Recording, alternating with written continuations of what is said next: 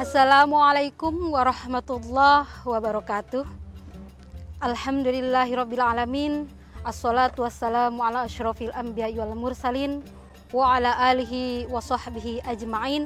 Amma ba'du. Hadirin yang dirahmati oleh Allah. Sebagaimana kita ketahui bahwa dampak dari kerusakan lingkungan itu telah nyata di dalam kehidupan kita sehari-hari.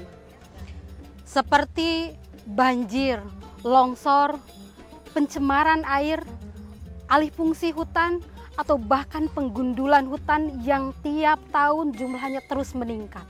Sebagai dampak dari kerusakan lingkungan tersebut adalah pemiskinan. Pemiskinan terutama orang-orang yang ada atau hidup di sekitar lingkungan tersebut. Pemiskinan ini akan terasa dampaknya terutama bagi perempuan dan perempuan ini khususnya perempuan kepala keluarga di mana dia harus menghidupi keluarganya dan dia sangat bergantung terhadap alam. Dalam Kongres Ulama Perempuan pertama pada 2017 silam, di mana salah satu hasil musyawarah keagamaannya merumuskan terkait dengan persoalan lingkungan.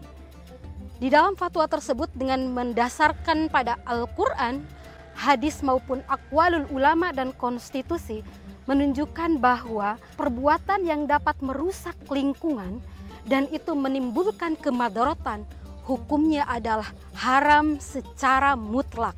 Salah satu dasar yang menjadi rekomendasi fatwa ulama perempuan adalah terkait dengan larangan perusakan terhadap lingkungan.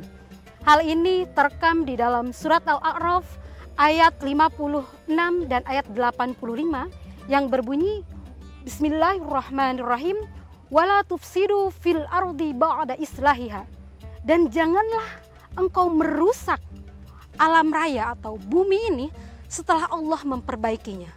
Kemudian diulang di dalam surat Al-Baqarah ayat 11. Nah, kata wala tufsidu di dalam bahasa Arab La di sana menunjukkan la nahi artinya larangan. Larangan secara tegas.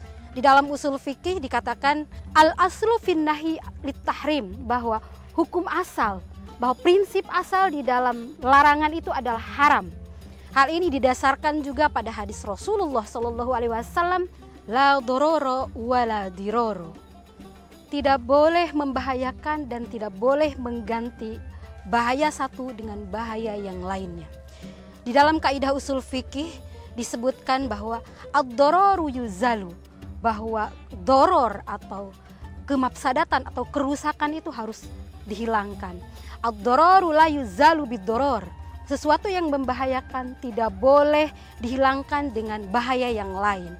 Kaidah lain darul mafasid muqaddamun ala jalbil masolih bahwa menolak segala sesuatu yang dapat merusak itu diutamakan, didahulukan daripada mengambil kemaslahatan atau kemanfaatan.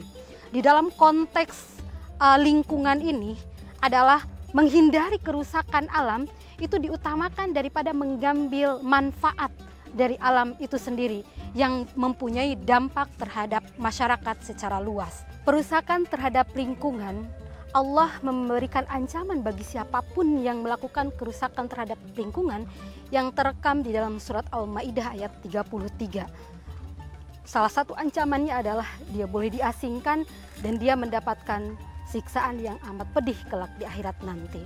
Ayat berikutnya ajakan terkait dengan pemeliharaan lingkungan ini juga terekam di dalam hadis Rasulullah SAW yang diriwayatkan oleh Ibnu Abbas bahwa al mukminuna syuraka fi salasin fil ma'i wal kala'i wan nari wasamanuhu haramun. Artinya bahwa orang muslim itu harus berserikat di dalam tiga hal, yaitu di dalam air, tumbuhan, dan di dalam api. Itu artinya apa? Bahwa kehidupan kita itu sangat dekat dengan alam.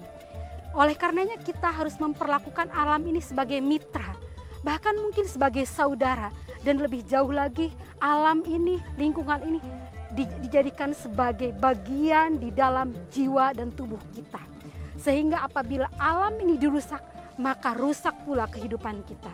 Oleh karenanya, di dalam melestarikan kehidupan ini, di dalam melestarikan alam ini butuh kerjasama yang aktif, bagi seluruh komponen masyarakat, laki-laki dan perempuan dari mana pun golongannya, atas nama apa pun, untuk sama-sama menjaga lingkungan untuk kelestarian kehidupan yang akan datang. Demikian, wallahu yarhamuna birrahmah. Wassalamualaikum warahmatullahi wabarakatuh.